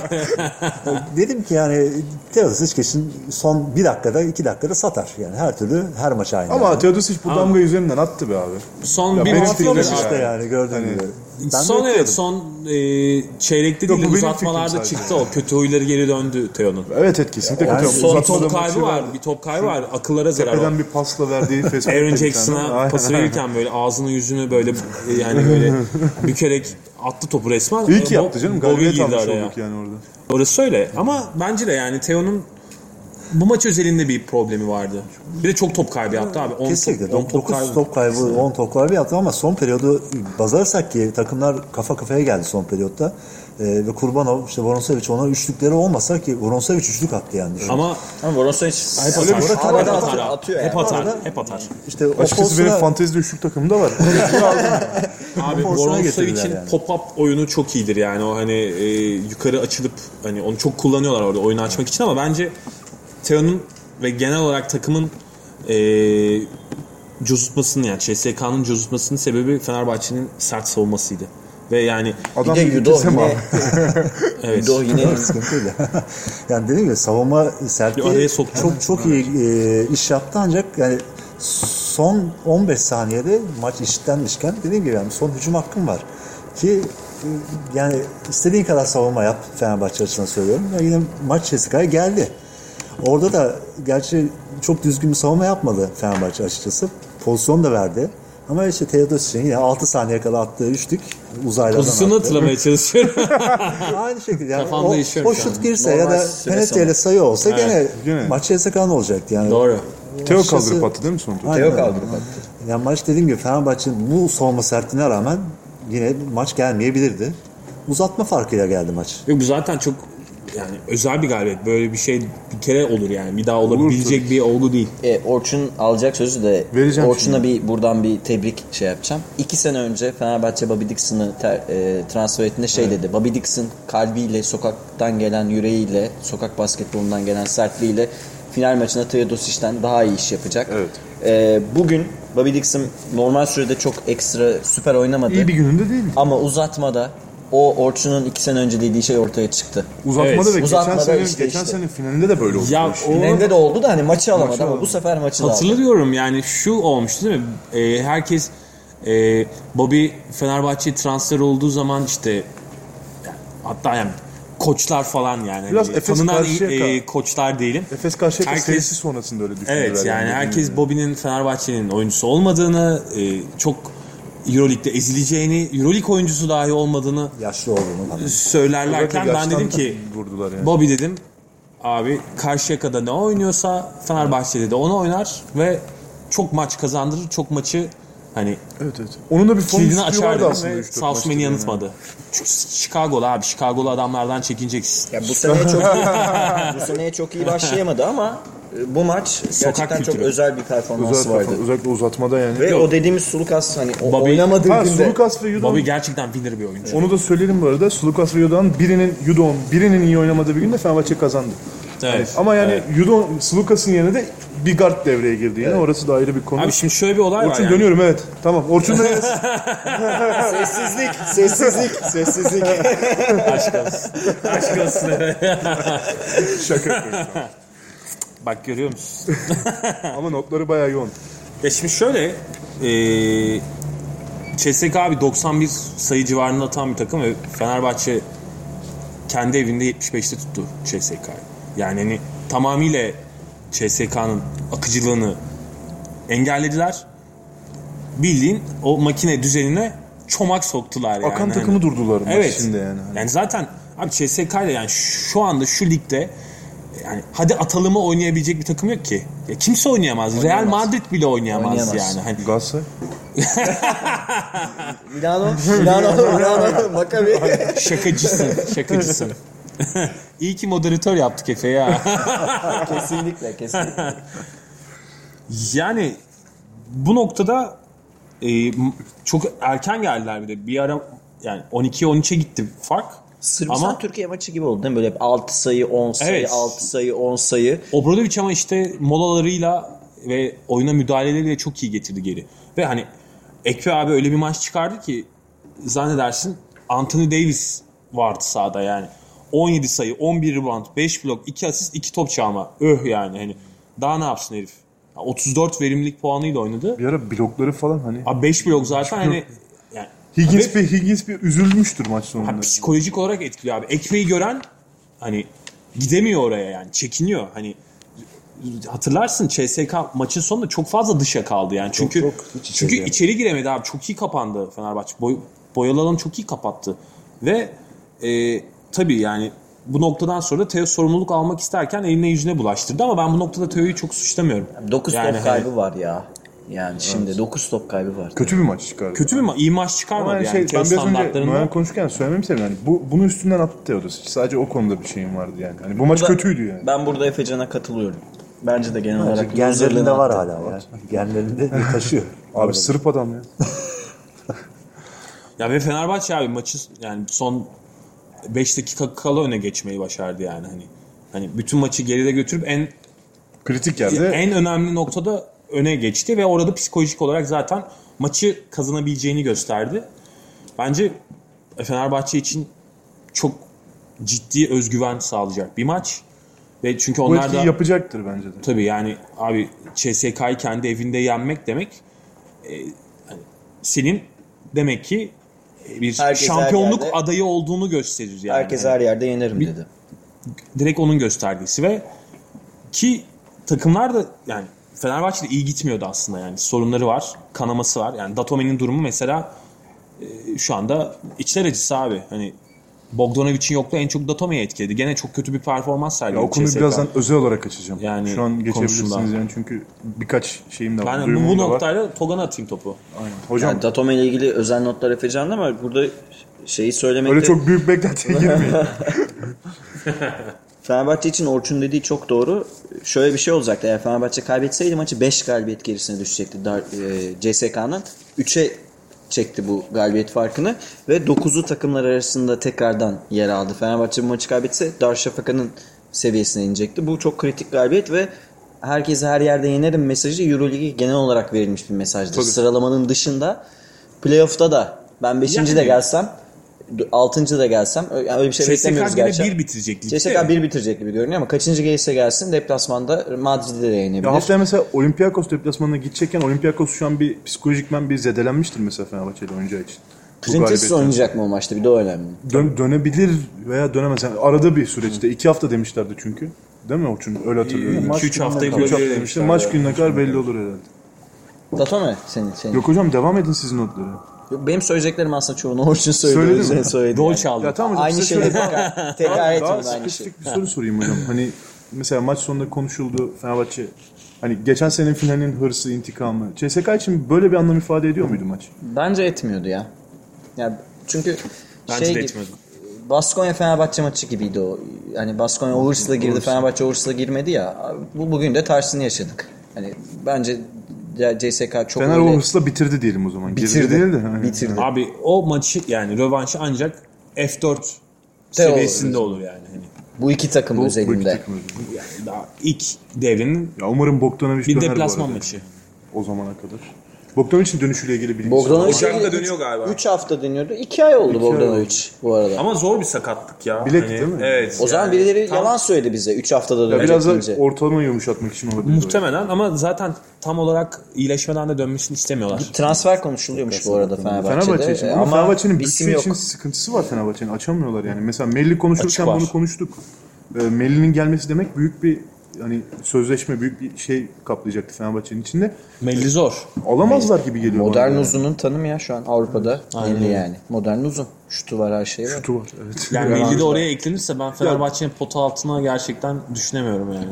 Korkunç. Fenerbahçe'nin pota altı korkutacağım ama Euroleague son notlarında bir şey ekleyeceğim. Onu hatırlatırsınız. Şimdi Datome ile ilgili çok kısa geçeyim. Ya benim sadece Datome ile ilgili söylemek istediğim şey şu. Mesela Datome'nin kötü oynayışı geçen haftaya kadar, ya 13. hafta maçları oynanmadan önce Fenerbahçe taraftarında hep şey vardı. Datome dönecek Bogdanovic'den sonra.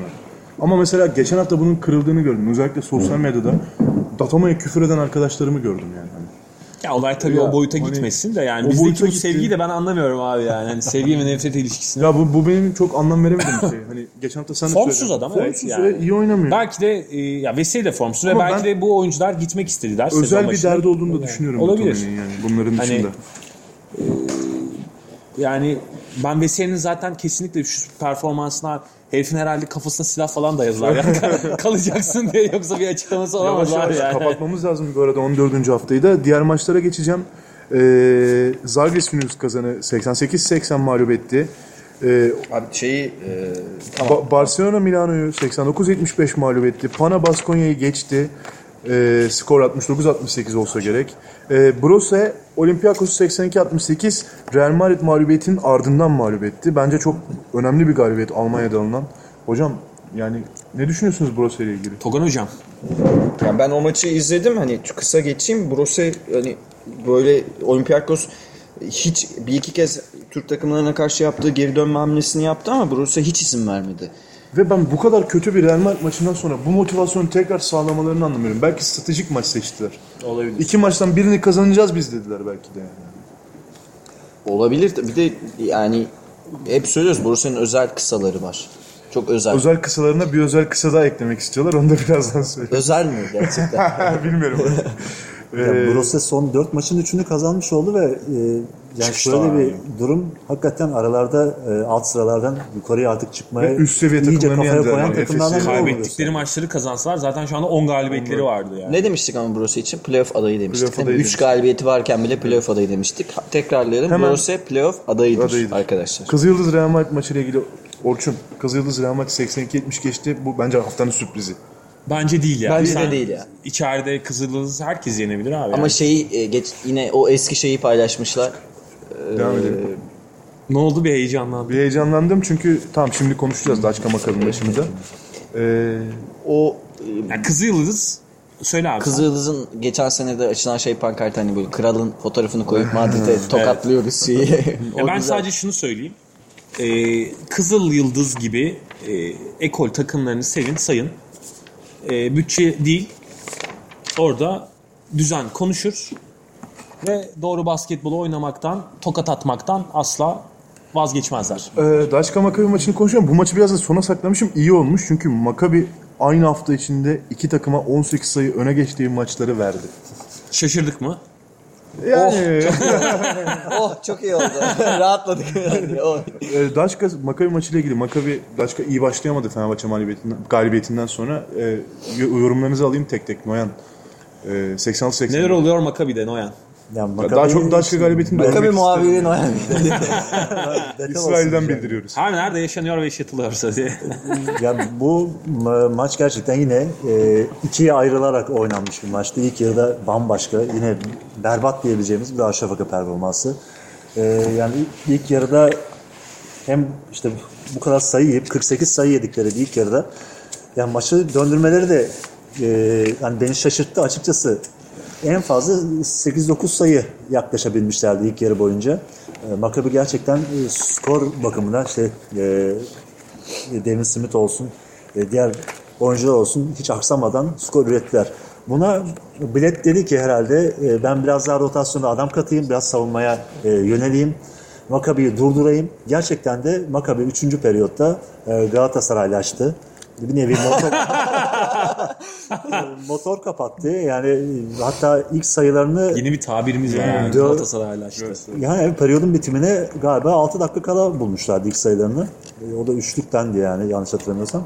Yalnız Daçka'nın çok benzer son çeyrek performansları var Fenerbahçe ve Makabi maçlarında. Yani 4 dakika boyunca sayı attırmadı rakibini. Evet çok yakın. Ee, bu bir nevi şimdi Fenerbahçe için çok karşılaştıramıyorum. Çünkü Darüşşafaka'da e, Efes gibi direkt hücumu düşünen bir takım oldu. Bireysel olarak özellikle işte birebirlerde dış şutlara yönelik bir takım oldu. Ee, bunu bu maçta iyiden iyiye gösterdik. İşte hakikaten ilk yarı e, Vanamaker'dan hiç katkı alamadı neredeyse. Skor katkısı alamadı. Cl- Clyburn'un hücum e, performansına kalmıştı. Yani 31 sayının yarısını Clyburn atmıştı zaten. Ama ikinci yarıda e, işler değişti. İşte Vanamaker oyuna iyice dahil oldu.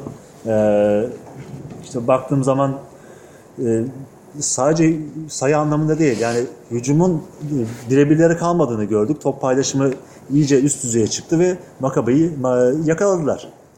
Ben zaten o aşamadan sonra Makabe'nin zaten kazanabileceğini düşünmedim. Daha çok yani ister istemez bu maçı alacak diye Sonny düşünmüştüm. Williams. Hocam Acaba- sizin notlarınız Ya şey- Ben hemen bitirdim ne mi bu hissediyor? arada?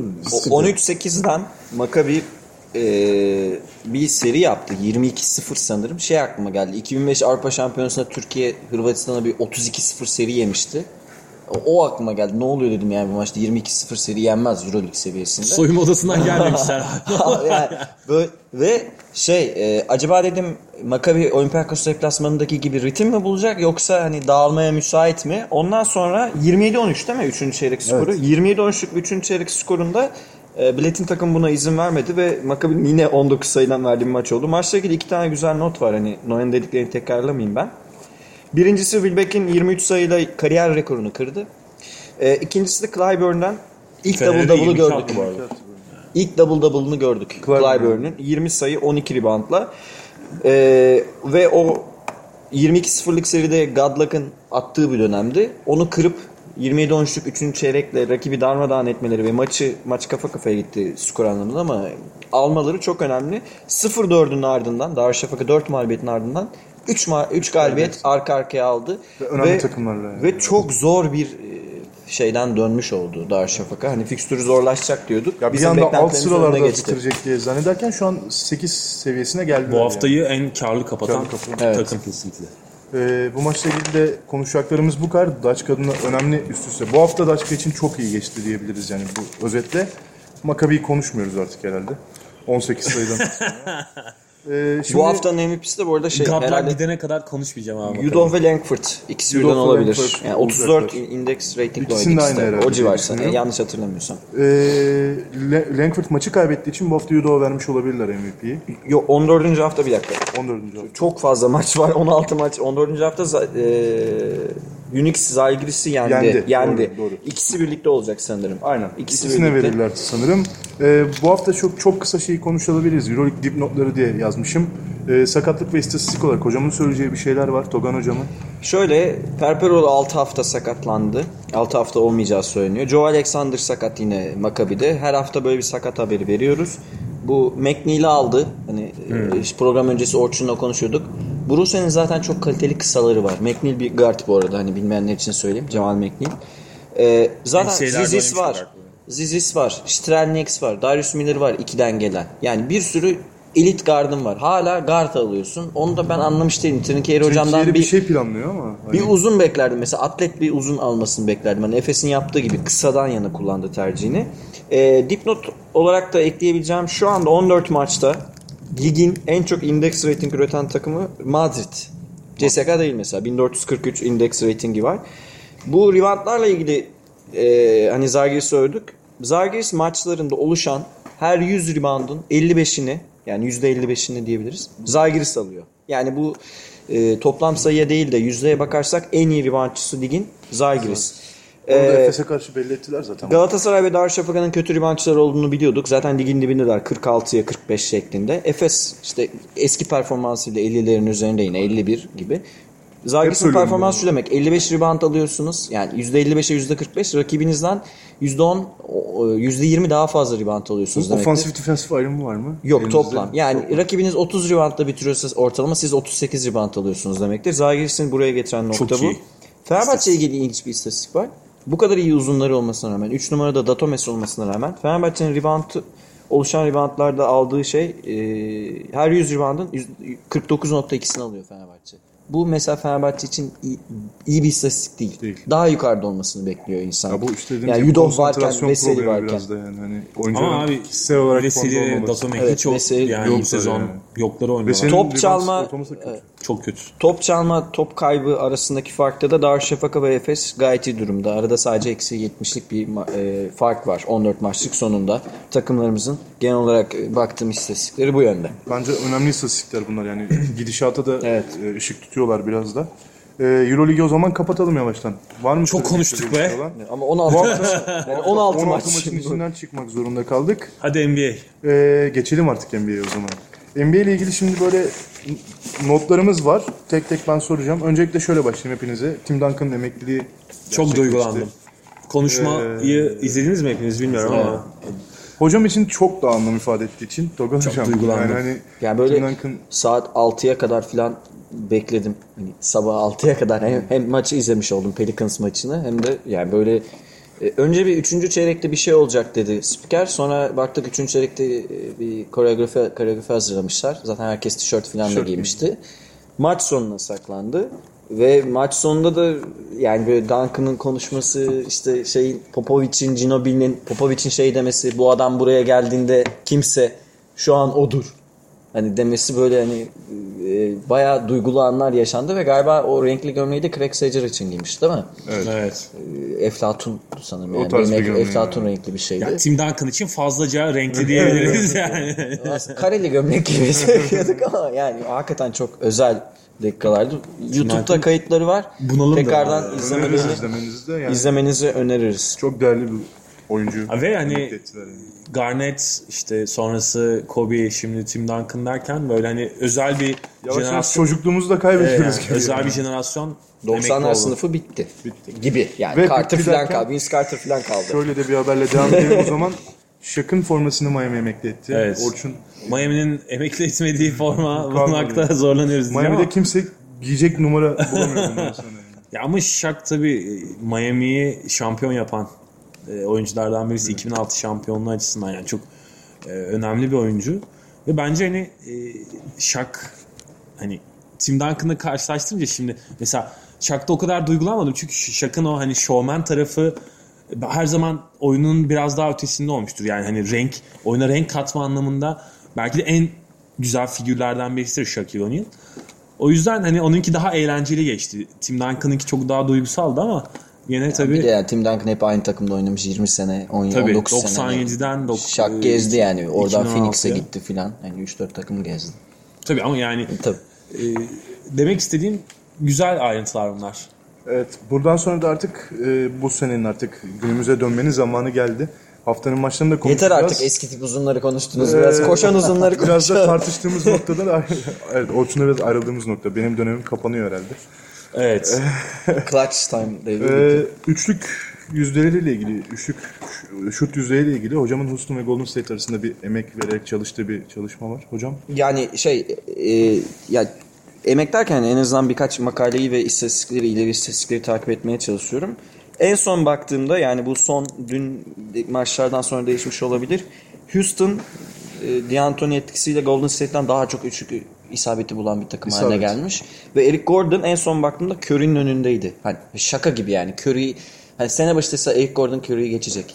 İnanır mıyız? Böyle bir şey mümkün mü? Daha çok üçlük atacak. e, Curry'den. yok ihtimal vermeyiz herhalde. Ya da Curry'i geçecekse Durant falan geçecek deriz hani. Eric Gordon geçecek e, demeyiz. Bu e, önemli. Yani bana çok ilginç Bir tane geldi. daha böyle Mark D'Antoni etkisi Ha, Hocam bir tane daha bir tane daha önemli. ilgili. Rudy Gobert'in e, ofansif ratingde şu an lig lideri olduğunu söyleyeyim. Biraz sürpriz bir şey. 100, o- yani 100 pozisyon başına 132 ile o oyundayken Utah. Ve defansif ratingde de zaten ilk üçte. O zaten beklenen bir şey. 100 pozisyonda 90 Utah'ın da sayıydı. karakteri gereği beklenen bir Hani şey. Rudy yani. Gobert şu an Westbrook konuşuluyor işte Anthony Davis konuşuluyor ne bileyim yani James Harden konuşuluyor ama Rudy Gobert'in de konuşulma vakti geldi Çoktan. diyebiliriz. Çok çok özel Yani- bir oyuncu takım Bu için. tarz bunlardan gidiyoruz. geliştirmesi gerekiyordu ve bu sezon abi hücumuna da artık bir katkı yaptı. Yani zaten müthiş bir savunma lideriydi. Ee, Utah o yüzden tut yani bu kadar büyük kontratlar vermeyi ona kabul etti. Çemberi savunsun diye. Ama artık hareketli bir şekilde e, hücumunu da çok geliştirmiş durumda ve çok Aynı şekilde iyi geçen oyuncu. hafta bir diyalogdan sonra Hasan Whiteside'da konuşmuştuk. Hasan Whiteside ligin rebound lideri olduğunu hatırlatalım. E, bu da hocamın çalışması sonucu öğrendim ben de. Boşuna Deandre kim demiyor oğlum. Aynen yani bence demesinin haklı sebepleri var. E, haftanın maçlarına geçerken Noyan'ın Houston üzerinden bir yorumu var. Şimdi Houston'da e, biraz seri güzel gidiyordu. Ancak sanki o öyle pembe bulutlar içerisinde e, oldu. Popolar kalkmıştı değil mi? biraz öyle oldu. Üç, son 3 maçın ikisini kaybettiler. Dün gece de e, Memphis'e yenildiler. 115-109 skorla. E, şimdi aslına bakarsanız rotasyonları da daralmış pozisyonda. Yani 7-8 kişiyle yine maç oynuyorlar ve bu sayede o attıkları sayı yani doğal olarak hem savunmaya yansıyor e, hem de sayı attıkları sayı azalıyor yani doğal olarak. abi sen derken aklıma geldi. Hani İlhan Cavcav mı demişti? Metin Türen mi demişti? Hani sen böyle istatistikleri konuşursun ama hacı gelir 40 metreden çakar sana gol. abi Ben de İlhan Cavcav ne alakalı? o da hani durumlarda geldi Alex Ferguson örneği falan veriliyor. Allah İlhan Cavcav dedi ya. Ya tak, takdir ederim Togan ya. o hani Houston 10 maçtır kazanıyor Ama ama, Hacı abi. çakar abi 40 metreden İşte şimdi. Houston 10 maçtır kazanıyor ama Spurs gelip çakar abi. Kusura boşuna şey Ha, bu yapmasınlar. haftanın maçları demişken ondan önce şeyi de hatırlayayım. Spurs de Clippers'a kaybetti bu arada. Normal. o kutu altında. O yol kazası diyelim ona olur yani. Yol kazası. Çünkü Clippers için mi? yok yani şey e, San Antonio için ama yani o takımları artık ayırıyoruz. Yani performans olarak da e, kategori olarak da seviye olarak da çok farklılar. E, sanki işte Golden, Cleveland, işte San Antonio hadi biraz da Toronto'yu katayım. Clippers'ı sokamıyor muyuz içine Noyan? Ben hala güvenemiyorum kendilerine ya. Sokamıyorum Özellikle yani. dün geceki Dallas mağlubiyetinden sonra. Özellikle dünkü mağlubiyetten sonra. Houston'la aynı Görürsün abi sezon sonu Batı finalinde Golden'la oynarlarken. Hocamla oynasın. beraber izleyeceğim ben o maçı. Herhangi bir sıkıntı olmasın diye. Ben şu San Antonio'nun e, Clippers'dan daha iyi takım olduğunu düşünmüyorum açıkçası. Bu benim kendi fikrim tabii mi? Noyan'ı yine sabote ettik. Noyan devam ediyor. Yok yani Onunla haklı. ilgili bir şey aklıma geldi. e, Şey, Clippers'ın oyunu çeşitlendirebilmesi açısından. Charlotte ve Noyan Batum dedin abi sen. Charlotte ve. Ee, Charlotte'un evet yani bir 4 maçlık mağlubiyet serileri vardı. Onu bozdular. 3 maçtır galipler zaten. Ee, Nikola Batum triple double yaptı dün gece. 103-95 Chicago'yu mağlup ettiler. İşler iyi gidiyor Chicago'da. Ee, zaten 30 maçı geçtiler artık takımlar. Ee, yavaş yavaş kopmalar yaşanıyor gibi e, görüyorum. Ancak e, biraz daha doğuda biraz daha kafa kafayalar. Orada e, hani Lakers'ın bile belki şansı olabilir. Ee, şeyde Lakers'ı ezdi. e, Batı'da. Ancak şöyle bir fark var. E, Batı'da Utah 7. sırada, Sacramento 8'de gözüküyor ve aralarında 5 e, galibiyet fark var. Orada bir nebze e, açılmış gözüküyor ama e, 8. sırada hakikaten işler karışabilir. Yani o, o yüzden Lakers'a örnek verdim. Orada bir nevi atılım bile yapabilirler. Ancak şöyle bir şey var. Lakers berbat gerçekten.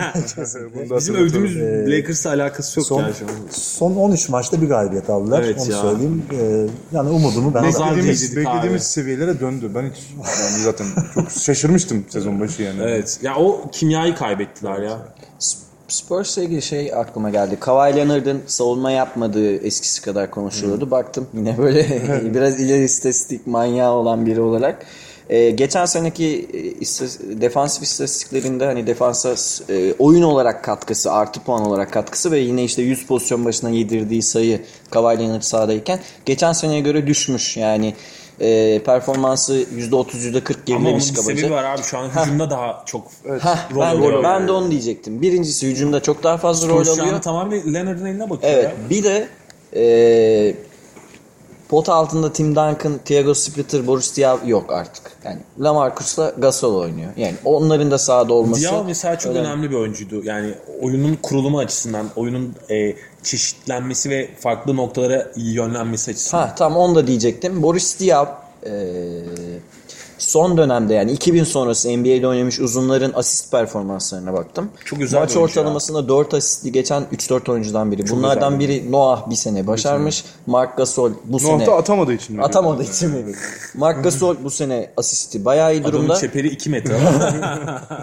Daha önce de başaran Sacramento'nun o e, Princeton offense uygulayan Rick Edelman'ın Sacramento'sunun Vlade Divac'la şey Brad Miller. Hani Ona hiç şaşırmıyorum. çok özel asistçi oyuncular bunlar. Hani Lamarcus kaliteli oyuncu, Gasol önemli oyuncu ama savunmada abi. aksaması nedeni de bu. Yani evet Kawhi'de bir savunma istatistik olarak bir düşüş var ama Orçun dediği gibi hücum Kawhi'den e, Dönüyor. biraz- sadece. Hani genelde batı konuşuyoruz. Golden State'de hep konuşuyoruz. Biraz Cleveland cephesine dönmek istiyorum ben. Cleveland cephesi e, aslında yani yine beklediğimiz gibi tepede devam ediyor yoluna. Ama 22-6 mı? yani 22-6. konuşulan şeylerden baktığımız zaman bir Noel Iman Shumpert takası. Şahane, şahane Ya olur. ben Keşke olsa. daha ne olabilir diyelim yani. Ben onu 3 yerde gördüm. e, Böyle NBA haberleri yapan yerler. Ama şey J.R. Smith sakatlandı. Evet. Ha, bir de öyle bir haber var yanına. J.R. Smith'in sakatlandı. Tabii şimdi bir de uzun bir süre yok J.R. Smith. Üç yani. ay. 3 ay deniyor. Hani gü- dün okudum ben de. Hani dönmesi Mart'ı Nisan'ı bulacak. Ee, ama nasıl dönecek o da önemli. Ee, ama bence şu anda ben abi ben olsam Noel'i almak için Shumpert'ı veririm. Yani çünkü Noel'in Cleveland'a katacağı Biraz playoff'a yatırım zaten. Hani tabii inanılmaz bir etki olur. Noel yani. zaten Philadelphia'da hiç mutlu değil. Açıklamaları da yaptı. Ben böyle 10 dakika 10 dakika oynuyorum. tek mutlu insan Ersan Hocam. Bir de Embiid. Hani 10 dakika oynuyorum, 8 dakika oynuyorum. Bakın istatistiklerine bayağı az süre alıyordu uzun süredir. Hani ben böyle 10 dakika oynayacak oyuncu değilim de- deniyor ama bu şimdi gelsin böyle Cleveland'a gelsin. Gelsin. biraz da bu yüzden güzel olur. zaten ya. İman Bir kazanır. konuşuluyor takası. Ve DeMarcus Cousins için de aynı şey geçerli. Philadelphia'da kalırsa hiçbir şey olmaz. Yani Philadelphia'nın zaten çok uzun seçtiğini yani önceki draftlarda hep uzun Abi seçiyorlar. bir Birini olduğunu yollasınlar hala artık çözemedik yani. ya. Saldım çayıra Ya bu- takımına. 8 tane falan.